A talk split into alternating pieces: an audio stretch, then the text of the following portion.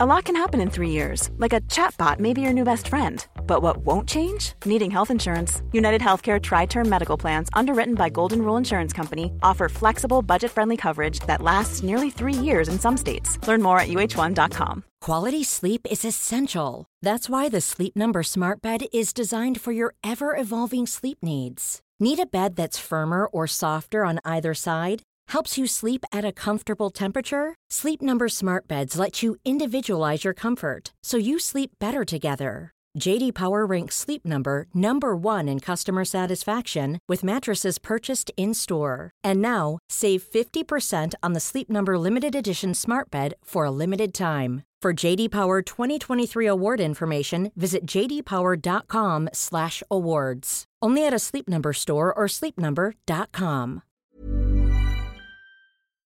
Hei og velkommen til denne spesialepisoden fra oss her i Finansavisen om eiendomsmarkedet. Fredag 1.12 arrangerte vi vår årlige eiendomskonferanse, som kanskje var ekstra interessant akkurat i år, nå som rentene har økt kraftig, flere sliter med økonomien i næringsbygg, prisene faller i markedet og boligbyggingen har bremset kraftig opp.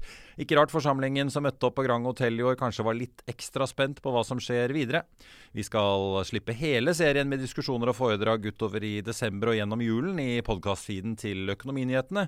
Og her eh, vil du få servert stoff fra ulike perspektiver, inkludert eiendomsinvestorer, bank- og advokatstanden. Her hører du Stig Beck, partner i uh, Wiersholm, og så får jeg bare informere om at dette er da et uh, sponset foredrag av Wiersholm på konferansen. God lytting.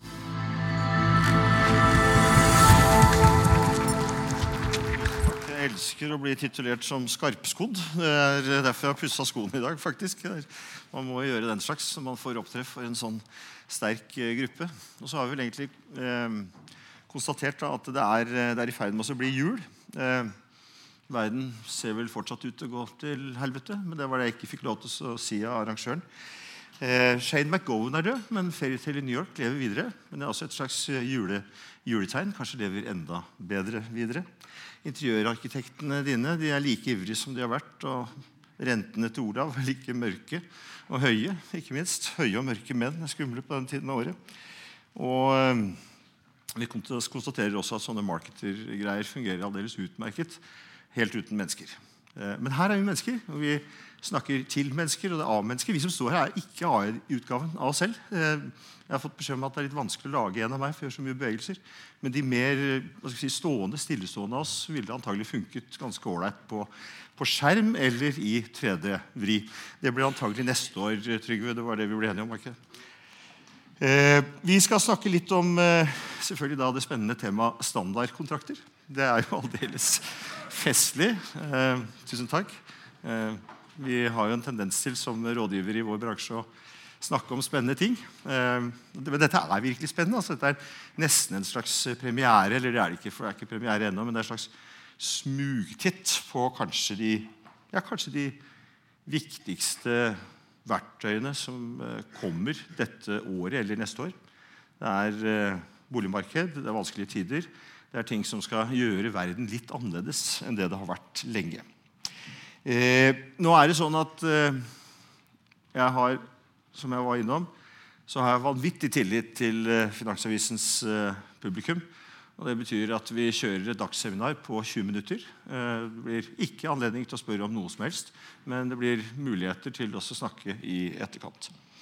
Så jeg tror vi egentlig er klar til å, å begynne. Deleie og leie til eie er de temaene vi skal snakke om. Dette kalles da for nye boligmodeller. Og Utgangspunktet er jo egentlig at vi alltid har operert med eie på den ene sida og leie på den andre. Skal vi si bitte litt om det først? Litt om den historiske forankringen. Og så skal vi gå litt inn i selve modellene og, og teksten. I hvert fall få noen smakebiter. Disse er uoffisielle. Det er helt hemmelig. Det er bare dere som får se det. Eh, dere må passe på å ikke vise det til noen andre, og dere må underskrive en NDA når dere går ut av døra. Og ikke heller måte, bruke de og så komme tilbake til rådgiveren og så si at den kontrakten funka ikke. Da må dere i hvert fall snakke med meg først. Dette er nytt. Men boligkjøpsmodeller det er da det vi skal snakke om først. og Da, da må vi egentlig helt tilbake til uh, Gerhardsen. nå i disse maktatider. Så vi skal ikke til toget. altså. Vi skal ikke ta dere med dit. Da burde dere i hvert fall ha underskrevet NDI på veien ut. Det er god journalistisk teknikk å snakke med Arbeiderpartipolitikere en dag de er relativt brisne. Eh, men, men Einar Gerhardsen han sa faktisk i Bonytt i 1946 Bonytt av alle ting, at eh, det hadde med bolig å gjøre. For de boligene vi bygger i dag, sa landsfaderen, vil komme til å danne rammen om nordmenns dagligliv i generasjoner. Det er flott sagt, og det er ganske riktig òg. Trygve Bratteli, litt mer sånn saktmodig i stilen, kanskje. Eh, det har vi også lært litt om de senere måneder. Han sa i en debatt i Stortinget i 1951 det som egentlig skulle bli grunnstammen i den norske, norske boligporteføljen, den norske boligstrategien. Dette er selve programerklæringen. For meg er det prinsipielle spørsmål Jeg skal ikke etterligne han, men det blir litt sånn når du snakker. Og jeg vil gjøre det tindrende klart. Da vet vi hvor Gro fikk det begrepet fra. I det moderne samfunn er det visse områder hvor det, privat, hvor det drives privat næringsdrift, og andre områder hvor det ikke lenger drives privat næringsdrift, eller hvor den er under avvikling. Og jeg, for mitt vedkommende, godtar det ikke som et område for privat næringsdrift, det å eie andre menneskers hjem. Det var programerklæringen. Og Dermed så er vi der vi egentlig har vært helt til nå de siste årene. Leie og eie. Eie ca. 82% ved siste opptelling. Resten er leie, 18% minst i Europa, eller i hvert fall nesten. Så litt om selve temaet. Vi har en uh, situasjon i boligmarkedet der det er vanskelig. Der terskelen for å komme inn i pressområder er, er høy. Og den ser ut til å bli stadig høyere, selv om prisene nå avtar noe. Årsakene til det er mange. Det er dels marked, og det er dels boliglånsforskriftens krav om 15% egenandel. Noen tilleggsmomenter kan jo være at vi er dårligst i Europa til å regulere, særlig Oslo og Bergen akkurat nå. Og skattesystemets favorisering av leie fremfor, eller eie fremfor leie. Litt tilbake til Bratli. Eh, konsekvensen er at en del grupper som vi ønsker å ha, sykepleiere, politifolk, inn i våre pressområder, ikke kan bo der. De må pendle frem og tilbake, og det er også dårlig bærekraft. Men nå er vi i ferd med å få en ny hverdag. Fordi der vi hadde leie og eie som eneste reelle to alternativer, så har vi nå fått en masse imellom. Og Det er stort sett mellomting mellom nettopp leie og eie. Så veldig fantasifullt er det egentlig ikke. Men det er varianter, det er opsjoner, det er løsninger som faktisk på veldig kort tid er blitt ganske så uh, utbredt. Eh, det er et representantforslag på Stortinget akkurat nå som går på at man skal få muligheter fra kommunenes side til å pålegge denne type boligmodeller som vi skal snakke om, i reguleringsplaner. Fra Norsk Eiendoms side, som jeg også har en hatt for, er vi litt skeptiske til det. Vi ønsker at markedet skal gjøre dette selv, men vi noterer interessen for boligmodeller som positiv.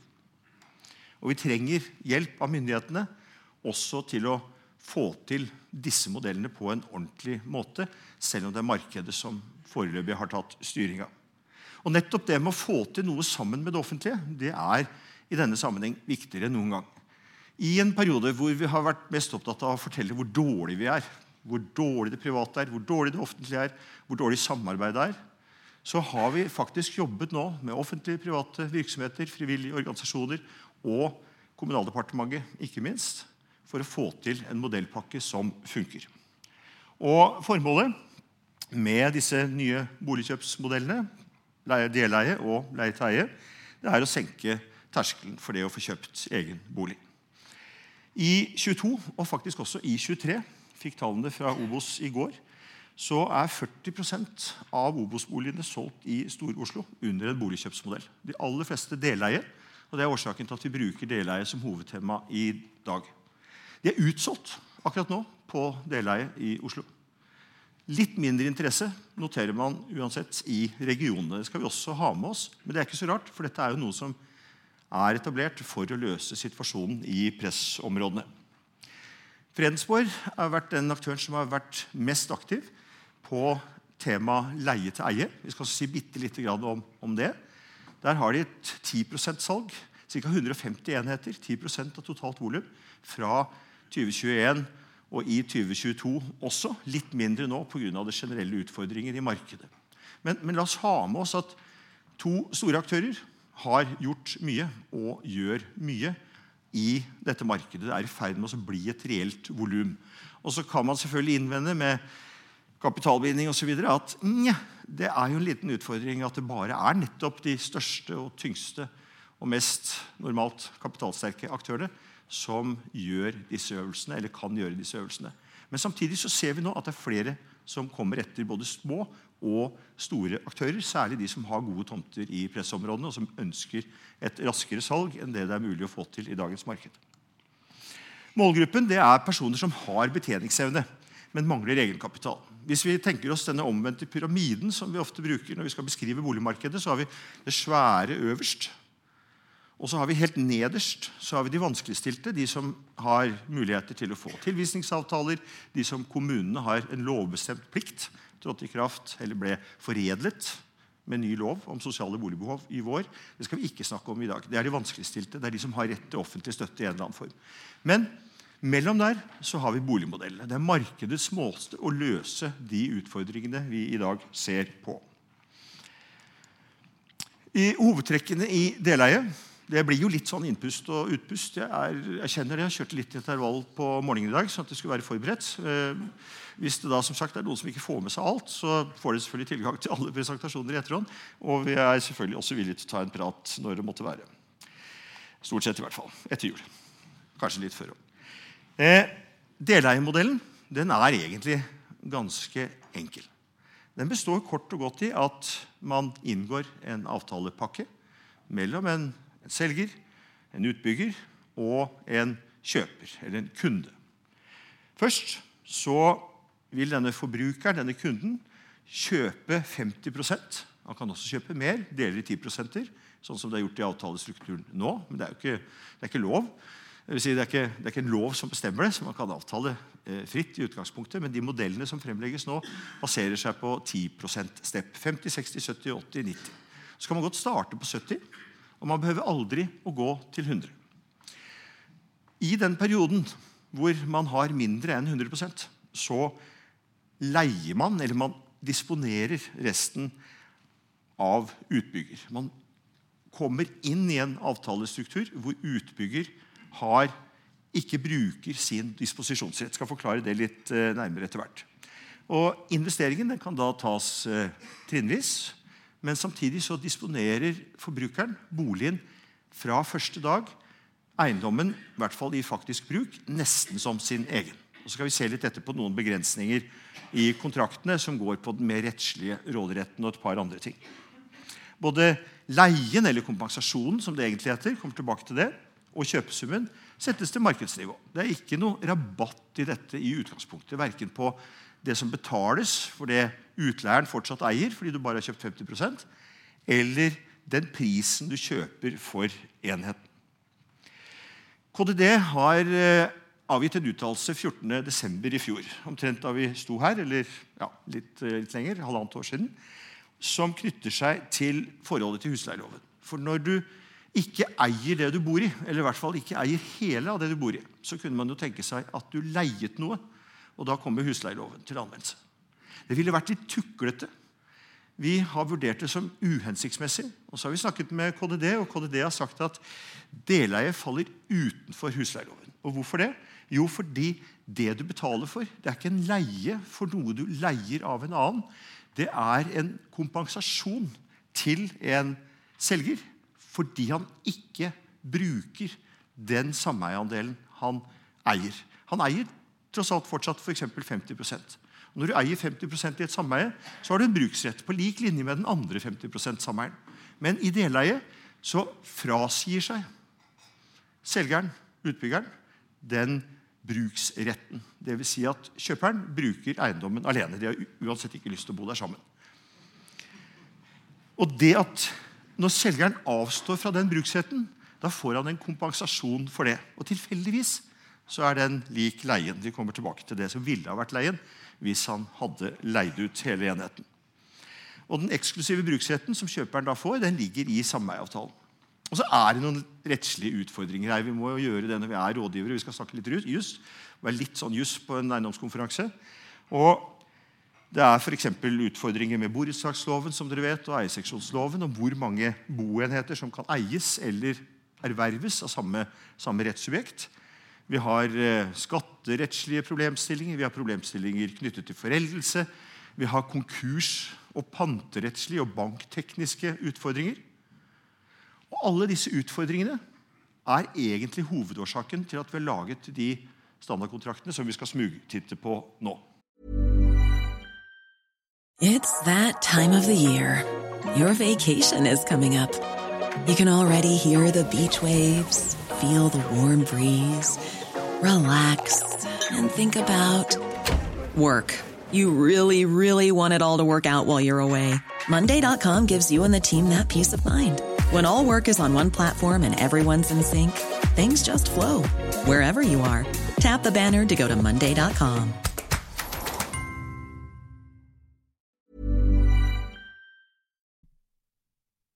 I'll see you in court. Vi sier det ofte litt på spøk, men for deg som driver business, er det aldri moro å innse at du ikke har laget en 100% gyldig kontrakt. Du bør ikke risikere hele firmaet ditt fordi du synes dette med kontrakter er litt stress.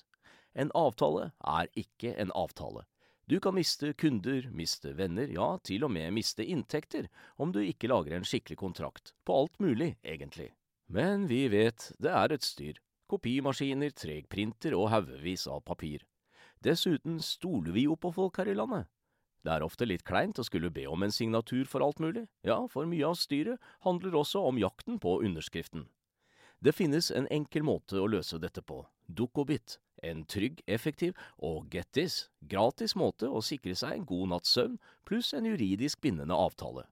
Dukkobit-appen har de strengeste sikkerhetskrav i bunn, samt en EU-godkjent og sertifisert teknologi. Framover vil det bli behagelig å spørre du, skal vi skrive under på det, eller? Kom i gang på dukkobit.no. Leie til eie, bare si bitte litt om det også før vi går på deleiekontrakten. Vi skal ikke bruke fryktelig lang tid på den. Vi skal smugtitte, som sagt. Det er ikke premiere. Vi skal bare titte litt i all konfidensialitet. Men leie til eie er da en litt annen modell. For det som skjer i leie til eie, men formålet er det samme. Forbruker inngår da en avtale med en utbygger om å leie boligen. Vanligvis i ca. tre år, med en uh, mulighet til å si opp etter ganske vanlig 9-11-12 måneder. Leien setter til markedsleie, og her er det leie. Her er det ordentlig leie, for det er et reelt leieforhold. Han eier ikke noe ennå. Han leier hele boligen. Så han kjøper ikke noe når avtalen inngås. I leieperioden så har forbrukeren en opsjon til å kjøpe boligen til den prisen den hadde da kontrakten ble inngått. Fra 2022 så kan det også i forhold til de skatteutfordringene vi har hatt, tilbys flere leiligheter som leie til eie etter endring fra 15 til 30% maksimum. Så har vi da selvfølgelig kapitalbindingsutfordringen, som for mange har vært hovedgrunnen til at man ikke har brukt leie-til-eie-modellen, rett og slett fordi man ikke selger noe med en gang. Man blir sittende som eier i en tidsperiode. Den gjelder jo også for deleie. Man får ikke noe oppgjør før på et senere tidspunkt. Jeg ser noen som nikker i salen. Det er alltid noen, noen sånn hyggelige som sitter og nikker når du sier noe. Får jo fortsette med det. Det synes jeg er veldig, veldig motiverende. Vi trenger jo motiverende i førjulstiden. Og så har man gjort en kontraktsdugnad. Og dette er skikkelig Bratteli. Altså. Dette er, eller Gerhardsen, for all del. Uh, her er vi på Brundtland. Vi er ikke på toget og drikker. og sånn. Vi, vi, jobber hardt. Spiser riktignok mye god mat, for man må motivere folk for å delta i en dugnad. Uh, så det har arrangøren og sekretæren tatt litt uh, av ansvaret for. Men man har da samlet en gruppe som kan noe om dette. Vi skriver 'ledende aktører' her. Synes det er veldig flott. Det er litt sånn, litt sånn dårlig skjult markedsføring, men det er norsk eiendom. Norges Eiendomsmeglerforbund, NBBL, Finans Norge, Obos og Fredensborg. Grette og, og Wiersholm, til og med et par advokatfirmaer som har fått lov til å delta. Skrevet en del. Eh, Obos og Fredensborg har eh, gjort en kjempejobb i dette arbeidet. Fordi de har faktisk delt hele standardpakka si med gruppen for øvrig. Og har brukt de som mal. Fredensborg for leie til eie, Obos for deleie. Og så er det gjort en del endringer og justeringer. men det er fantastisk å kunne starte med et sånt utgangspunkt. Ikke bare starte på, på bånn. Det er tradisjonelt i Norge at man skal starte på bånn. Hvorfor skal man det når man har gode utgaver som man kan jobbe videre med? Eh, det som kommer nå, det er en slags beta-utgave. Den skal videre inn og bearbeides i Finans Norge. Den skal bearbeides hos forbrukermyndighetene, sånn at forbrukermyndighetene kan sette et stempel på og si at dette er balansert og bra og gjennomtenkt og generelt og positivt. Og kan bidra til å fjerne useriøse aktører og kan bidra til at bare oss som er her, kommer videre på en skikkelig måte. Dvs. Si den seriøse gjengen. Jeg ser også representanter for det. Så er det to kontrakter i denne deleiermodellen. Det ene er en kjøpekontrakt. Den er helt plain. Det er Norges Eiendomsmeglerforbunds standard, for de har også delt av sine dokumenter, som gir rett til å kjøpe en ideell andel i borettslag med borett til bolig. Og så er det deleierkontrakten, som er den der litt sånn artige greia som vi skal se litt på nå, som består av en hel serie ganske tunge utfordringer. Når man skal lage sånne kontrakter, så er det litt vanskelig, for dette er forbrukerkontrakter. Og vi ønsker, eller har ønsket at det skal bli så standardisert at man for det første får gode maler og gode referanser, man får god undervisning, og sånn som det egentlig er med alle andre forbrukerkontrakter i dag, at det etter hvert bare er en balansert pakke som ligger der, som alle bruker, og som man egentlig ikke behøver fullt ut å sette seg dypt ned i. Man behøver ikke som alminnelig deleierkjøper å sette seg ned i komplekse skatte- og foreldelsesrettslige spørsmål. Men man skal få en god veiledning om hva som skjer, hva som er viktig, og hva som er ulempene med modellen. i den grad det er det. Og Så er det da deleierkontrakten. Dette er borettslagsmodellen. Det kommer selvfølgelig også igjen på, på eierseksjonen. Det er naturlig at vi starter med borettslag, siden det har eh, skjedd i samarbeid med bl.a. Obos. Det er ikke så unaturlig. Og Det første vi bør se litt på, det er vederlaget for det vi snakket om i stad, nemlig selgers avkall på bruksrett til boligen. Hvor mye skal egentlig kjøperen betale? Og det kjøperen betaler, det er viktig å minne om det, det er et vederlag, ikke en leie, til selger for det at selger han får en kompensasjon for å gi avkall på bruksretten. som vi snakket om. Han hadde jo hatt bruksrett til den hvis han ikke hadde gitt avkall på den. Det ville fulgt av bakgrunnsretten og sameierloven. Vederlaget skal utgjøre en andel av det som ville vært markedsleien. og Der går vi igjen inn og sammenligner med leiemarkedet for hele boligen. Og Det betales på vanlig måte forskuddsvis. Man kan eh, justere vederlaget. Og når det gjelder justering og lov og regulering av reguleringsinstituttet, så har man faktisk valgt å vise til husleieloven. Og Det er rett og slett fordi der har man mye god praksis. Litt av utfordringen med disse avtalene i starten vil være at man har jo ingen praksis beste praksis er ganske begrenset. Det startet i Stavanger-regionen da eiendomsbiten gikk til bånn, boligmarkedet i hvert fall, i 2015-2016. De laget modeller og brukte det og har brukt det ganske aktivt, som ligner veldig mye på de modellene her, med noen små snags og tillegg. Men uansett, vi har ikke noe praksis, og vi må skape praksis. Vi må skape beste praksis rundt både kontrakter og tolkningen av dem. Når det gjelder felleskostnader, så er partene innbyrdes eh, ansvarlig for felleskostnadene tilknyttet hver sin andel. Det er jo ikke en bruksforpliktelse, det er mer en, en ren finansiell forpliktelse. Men hefter solidarisk, og det er praktisk for borettslaget overfor nettopp borettslaget. Når det gjelder partenes forpliktelser for øvrig, så må man jo se litt på hvem kan bruke boligen. Vi har sagt litt om det allerede. Og hvem har ansvaret for vedlikehold. Det har vi ikke sagt så mye om.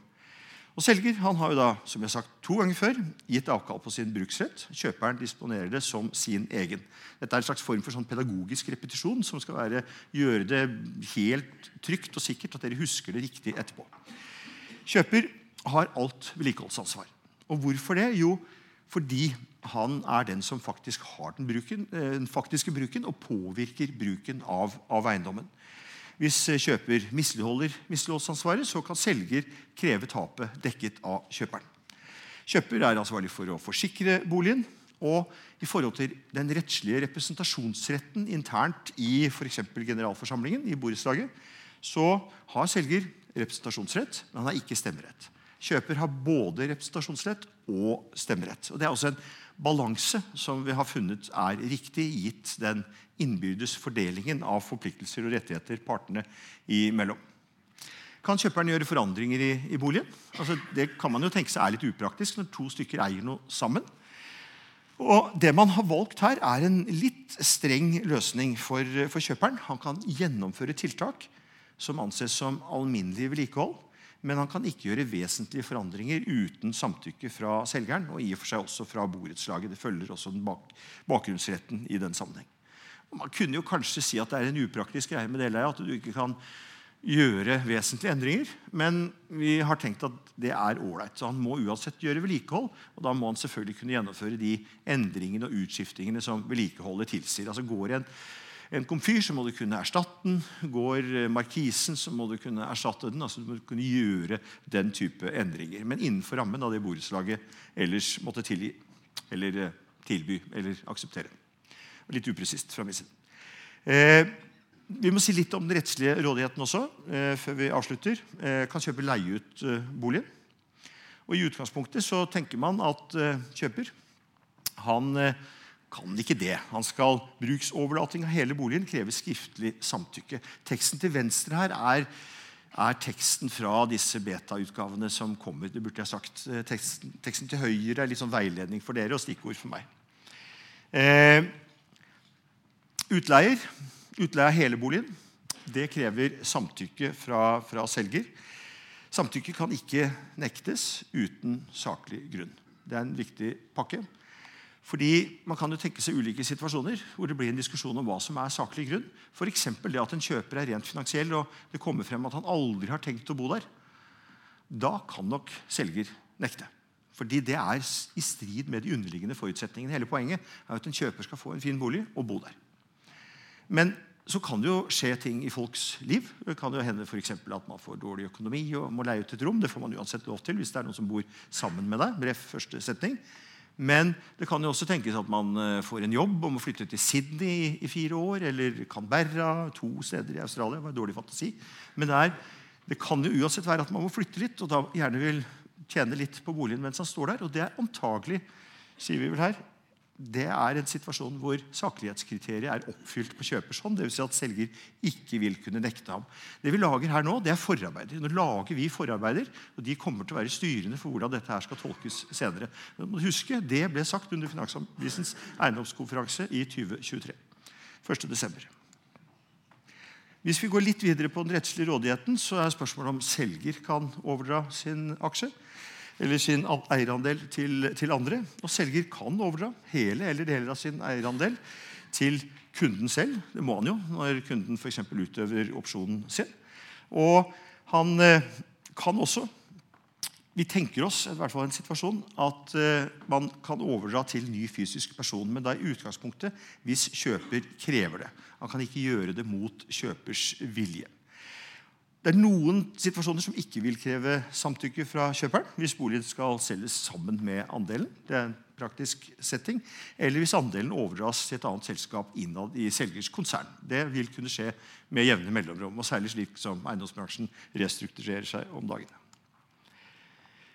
Litt mer om partenes rettslige rådighet. Kan, kan kjøper eh, overdra sin eierandel? Utgangspunktet i punkt 11.4 i det nye forslaget er at selger skal godkjenne overdragelsen av eierandelen.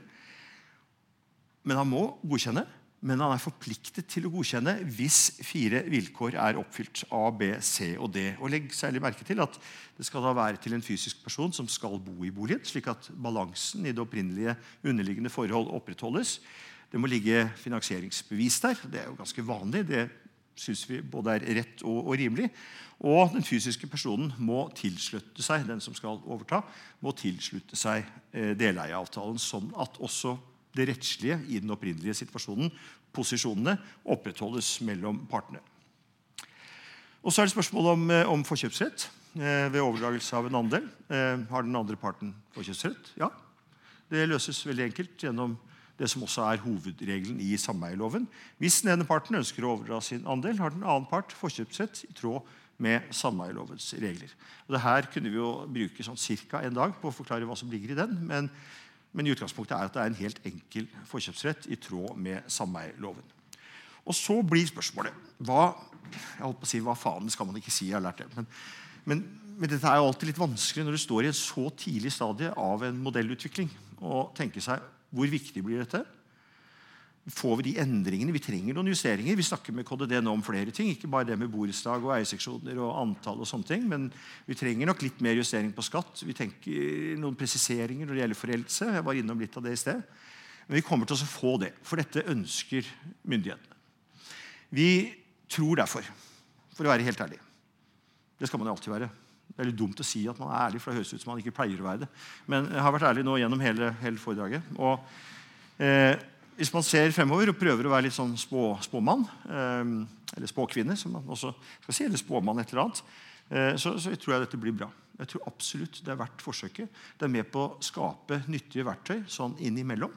Og aller kulest, dette er markedet som løser en utfordring med myndighetenes hjelp. Det er skikkelig dugnad, det er skikkelig sosialdemokrati, det er skikkelig sosialøkonomi, det er skikkelig samfunnsøkonomi. Det er ganske digg, egentlig. Nesten uten offentlig hjelp. Tusen takk. Og da var vi ved veis ende i denne episoden. Flere podkaster fra Eiendomsserien og andre sendinger det finner du på fa.no-tv, eller ved å søke opp Økonominyhetene i Spotify, Apple Podkast eller der du hører på podkast.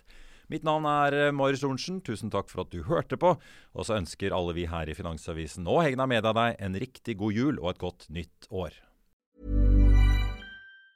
Even on a budget, quality is non-negotiable. That's why Quince is the place to score high-end essentials at 50 to 80% less than similar brands. Get your hands on buttery soft cashmere sweaters from just 60 bucks, Italian leather jackets, and so much more. And the best part about Quince, they exclusively partner with factories committed to safe, ethical, and responsible manufacturing. Elevate your style without the elevated price tag with Quince. Go to quince.com slash upgrade for free shipping and 365-day returns. Økonominyhetene er en podkast fra Finansavisen. Programledere er Marius Lorentzen, Stein Ove Haugen og Benedikte Storm Bamvik. Produsenter er Lars Brenden Skram og Bashar Johar.